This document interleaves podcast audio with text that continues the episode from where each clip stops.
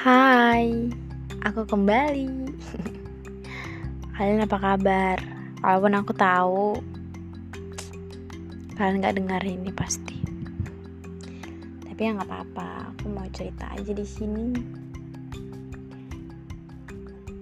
Hmm, gimana dewasanya?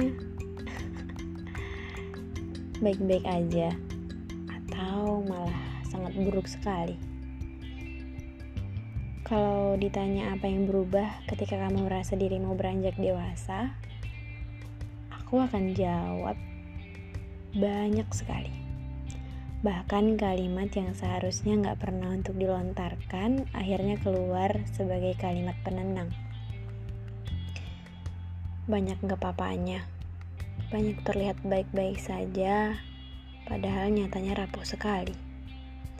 Banyak orang yang gak bisa mengerti apa sebenarnya arti capek.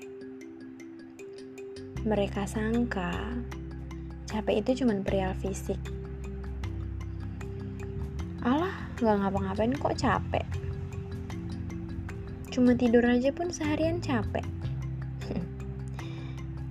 Kalian sadar gak sih kalau kalimat sependek itu ngebuat mungkin banyak orang menjadi tidak ingin bercerita? Dia lebih memilih mengarsipkan ceritanya karena dia tahu responnya akan lebih menyakitkan. Padahal sebenarnya kita juga berpikir ketika kita bilang capek, kita tuh juga sadar kok kayak, tapi iya ya, kok aku gak ngapa-ngapain capek? Tapi emang capek, gak ada kata-kata yang harus dikeluarkan selain kata-kata capek gitu.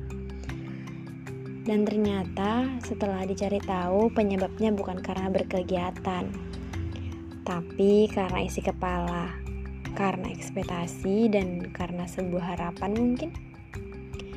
Semakin dewasa aku juga ngerasa banyak sekali omongan-omongan yang awalnya terlihat biasa saja. Sekarang malah jadi sensitif didengar. Bahkan juga masih banyak orang-orang yang mengira kita adalah beberapa tahun yang lalu. Iya, kita yang jarang sekali peduli terhadap omongan. Mereka nggak tahu bahwa sekarang omongan itu udah jadi sebuah luka yang mungkin sampai berdarah terkadang. Tapi akhirnya aku ngerti sih, dari sedikitnya perjalanan yang baru kulalui, aku sudah mulai banyak pembelajaran. Ya, bahwa emang gak semua orang sesuai dengan ekspektasi Bahkan kadang dulu dia adalah sebuah realita, tapi sekarang malah jadi jauh dari ekspektasi.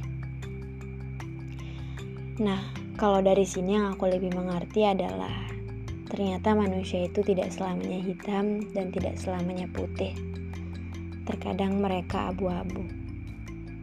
Bahkan mungkin orang lain juga menganggap kita seperti itu, tapi kita nggak pernah nyadari dari perubahan itu.